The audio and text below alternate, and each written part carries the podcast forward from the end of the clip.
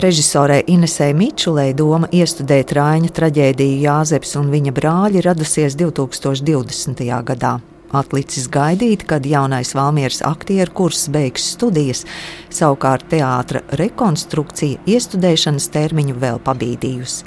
Protams, izrādes stāsts ir par Jāzepa ceļu, iesāk režisore. Tas, ka, protams, ka tas ir ļoti filozofisku domu, nevis vienas domas, bet domu un simbolu pilns, tas ir nenoliedzami un tas viss, ko mēs ar to darām. Tāpat kā Rainis paņemot nu, šo vienu Bībeles leģendu, sižetu, kā viņš risināja attiecības ar sevi, ar laiku, ar savu biogrāfiju. Nu, tas jaudīgi. Tātad bija svarīgs arī šis kurs, lai būtu kas spēlē, lai būtu šie brāļi. Oh, jā, nu, jā, jā, jā. Mm -hmm.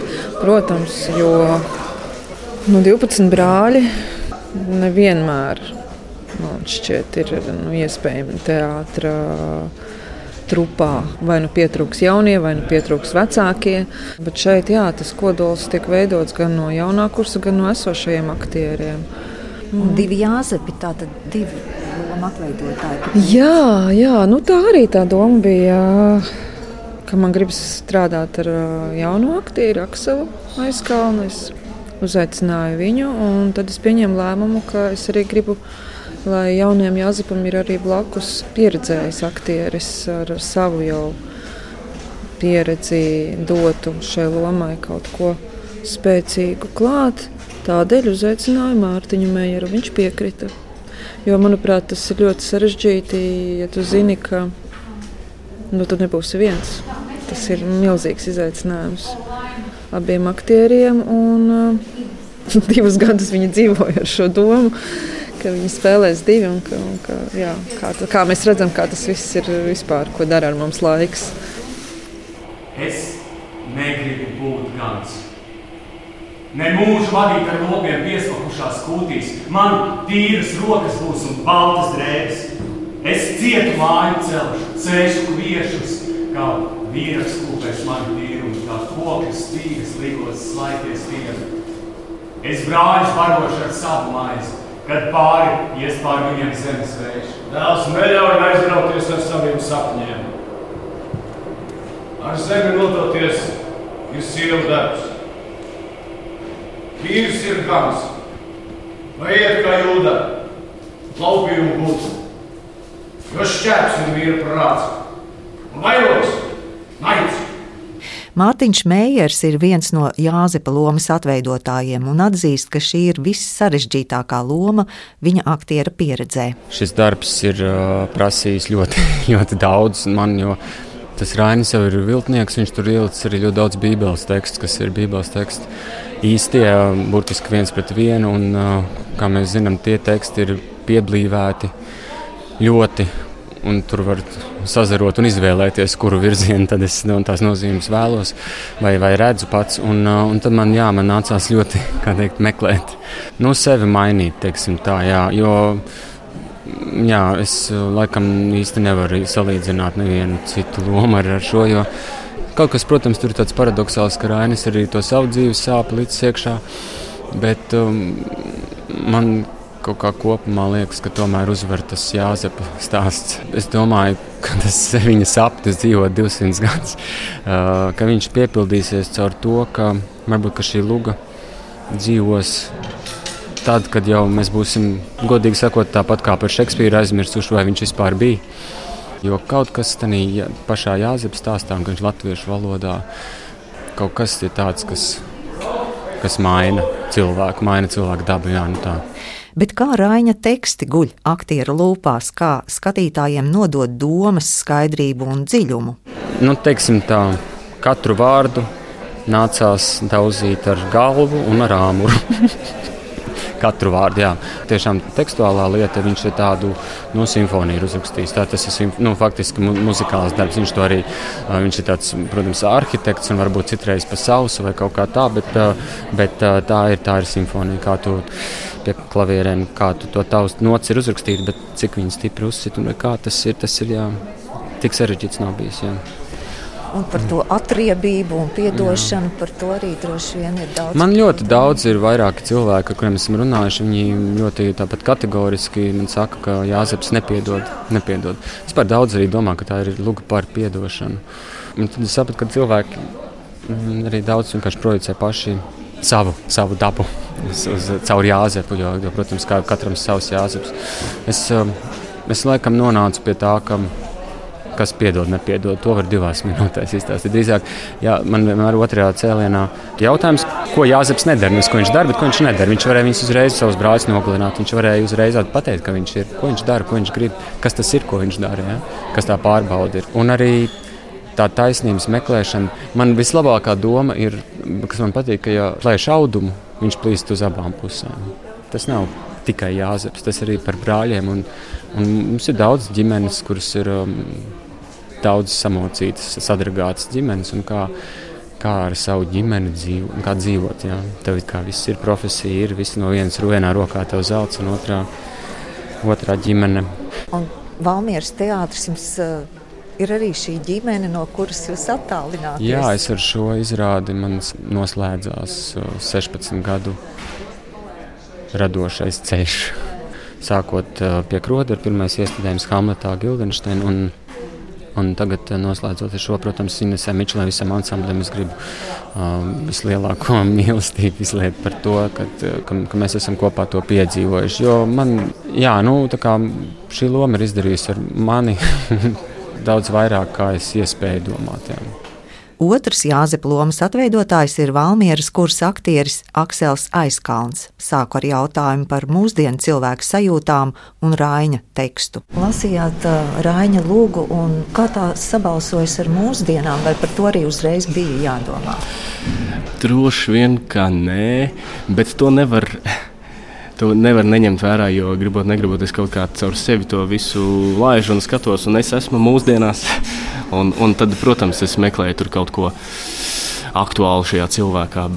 Bet, ja es tā konkrēti es neatceros, ka es būtu par to baigi domājis, bet uh, noteikti mūsdienīgums tur arī ir. Jā, jā, tas tur ir. Tā ir tāda loma, kas nāk reizi varbūt mūžā, ja, ja sanāk, ja paveicās. Un, tad, protams, nedrīkst apstūpt tajā mirklī no šīs kaut kādas bagāžas, vai ne? Un tad ir diezgan racionāli uz to jāskatās. Un, un, ja mēs tā no lomas aspekta skatāmies, tad tas ir, ir dziļāk jāzemojās, kā cilvēks drīkst, un augstāk jāceļas, kā cilvēks spēj. Un tie rāņa teksti ir tiešām, protams, var vietām saprast, ka šeit viņš ir izdomājis šo vārdu, vai ne, bet, bet kontekstā absolūti iedarās. Un, tieši vakar runāju ar savu kolēģi Ievu, ka nu, es vismaz kādus turpmākos desmit gadus droši vien citēšu viņu. vismaz, jo, jo tie teksti ir. Jā. Nu, es ceru, ka arī guļ. Nu, es, ja tā var teikt, tad esmu atradis kaut kādu savu saikni ar to tekstu. Es pieļauju, ka skatītājiem pašam arī ir jānāk kā, uz nelielu darbiņu, vai ne? Jo, jo Rainis tur runā par, par tādām ļoti filozofiskām un eksistenciālām lietām, par, par taisnību, par, par pārliecību, par ticību, par, par visiem, visām šīm lielajām lietām, no kurām var nogurt. Tāpēc nu, skatītājiem arī jānāk gatavam, un tas būtu tikai ideālāk variantā, ja mēs varētu arī skatītāji pavilkt līdzi. Un es domāju, ka mēs to arī izdarīsim. Izrādes kopējais tēls sākas no sajūtas, atklāja režisore, un sajūta ved pie izvēlēm. Sapratusi, ka vajadzīgi telpas mākslinieki, kas ir laikmetīgi, un izrādes vizuālā interpretācija nodota Rēņa un Kristas dzudzīlo ziņā, kas radījuši asketisku, tumšu peldbaseina telpu ar skaitļiem uz sienas. Turpinām par vizuālo dramaturģiju atceroties pusgadu iepriekš, kad mēs par šo domājām un uh, to nodevām teātrim, nu, vai mazliet mazākā pusgada. Tad uh, es domāju, tā viena lieta bija arī šajā sakarā, gan Jāzepa un vecās derības sakarā, kurā pamatā ir vārds, un tad pravotojuma piepildīšanās, kur nekas īsti vairāk nav vajadzīgs. Bet otrs ir uh, ņemot vērā šo jauno aktieru klātsamību un vispār lielo ansambli, kaut kādā ziņā šī telpa tiecās būt eh, baletiska, jeb eh, atbrīvot eh, iespēju šai kustības trajektorijai un ķermeņa sišanās gan pret zemi, gan pret sienām, jādod lielāku vaļu un līdz ar to spēku. Vai patiesībā tas, kas mums pavērs vai pievērs lielu uzmanību strādājot ar tekstuālo tieši materiālu, ir šī kaut kādā ziņā komanda vai kaut kāds milzīgais cilvēku kopums, milzīgā vīriešu kopība, kur ir brīnišķīga, ar, reizē ar spēles prieku, bet arī ārprātīgi nežēlīga, ar nežēlīgu konkurenci un ar neizcīkstošu vēlmu būt pirmajam, un tikai no kura gala tu skaties. Un, nu jā, un tāpēc tā kaut kāda dinamiskā kustība bija neizbēgama, un tāda arī viņi ir izrādē. Arī šajā skatuvē. Kurš šķietami varbūt ir jautājums, kā tiks atrisināt bedra. Nu, noteikti tas mūs jau nodarbināja uzreiz ar to domājot. Bet jā, šis bredzes kritiens otrajā daļā ir turpinājums jeb attīstība to, kā pirmajā cēlēnā tas noslēgsies. Jāzepam ir 11 brāļi, un arī Jāzeps pats ir 11. no sava tēva Jēkaba 12 dēliem. Skaitlī 11 atrodas divi viennieki, jeb divi sākumi. Man liekas, ka visi var saskaitīt, un šeit ir kaut kāda matemātika. Jā, jā protams, jā. Nu, tāpēc, ka struktūra pamatā jau jebkas sastāv no kaut kāda režģa un uz tā pamatiem kaut kas rodas. Jā, Rainis jau ir iekodējis to. Viņš jau strādā ar šiem lielumiem, kuri ir visiem zināmi un vienlaicīgi, jā, kuri ietiec konkrētā stāsta saknēs vai pamatos.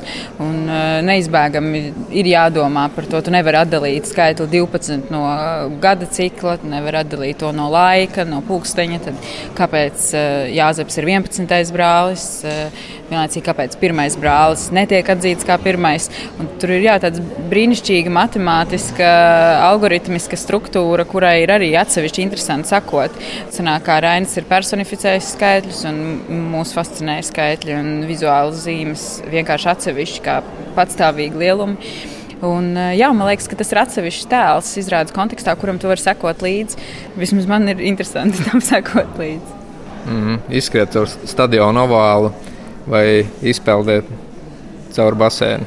Man personīgi laikam kaut kādā ziņā pārsteidz to, cik daudz šķaitnēju nu, es redzu tieši caur konkrētiem šiem aktieriem, to sāpju manifestāciju, cik dažādi mīlestības trūkums piedzimst un ko viņš izdara ar cilvēku. Un, jā, kā saka viens no brāļiem, eh, izrādās sākumā mēs visi nestipri bez mīlas. Tad lielā mērā man šķiet, ka tā traģēdija, kas notiek izrādes gaitā, ir šī bezmīlestības traģēdija.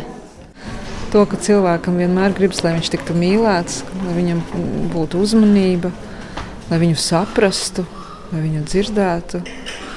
Nu, tas ir gan pirms simts gadiem, gan pirms 200 gadiem šodien. Bet kas visvairāk laikam man iedvesmoja, ka es aizbraucu šogad uz Kastaņģolu un redzēju to vietu, kur dzīvoja Rainis un kur, un kur tapa tās domas par Jāzepa ceļu. Brēkāns un San Salvatore. Tas bija jaudīgs, jāpiedzīvojams, redzēt to savām acīm. Protams, tā vieta ir mainījusies kopš Raņa, bet uh, iekšējai sajūtai man tas ļoti piepildīja. Jā. Sodīt vajag! Nē, mēs! sodīs tēvs. Viņš sodīt vajag!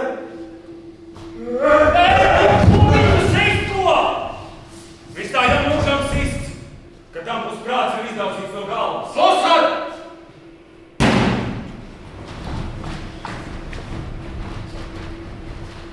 Atbild! Jāsat atbild!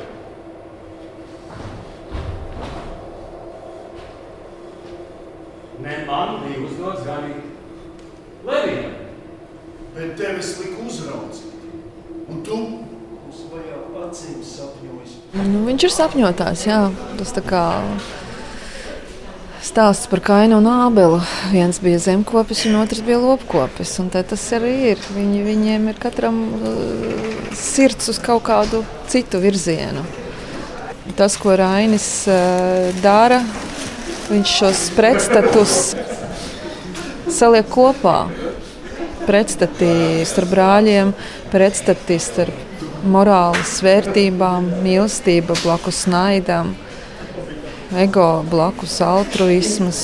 Tas ir ļoti interesanti, kā visu dzīvi nu, esam šajos pretstatos dzīvojam un ka mēs visu dzīvi arī cenšamies to harmoniju dabūt, to izlīdzni, to savienot. Bet to nevar savienot. Ļauno ar labo nevar savienot. Uz zemes šeit nevar.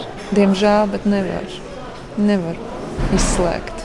Labais nevar izslēgt ļauno, tāpat kā ļaunais nekad neizslēgs un nepazudinās labo. Režisori aicinājusi radošajā komandā komponistu Rihārdu Zaļupi. Iestudējuma tapšanai tikpat svarīgi bijuši arī gaismas mākslinieks Oskars Pauliņš un choreogrāfe Linda Mīļā.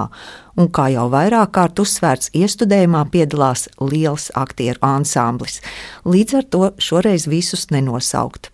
Izrādes nelielajā programmā atradīsiet informāciju gan par traģēdijas Jāzeps un viņa brāļa sacerēšanas gaitu, par apstākļiem, kāpēc Rainim tā tapusi tik ilgi un mokoši.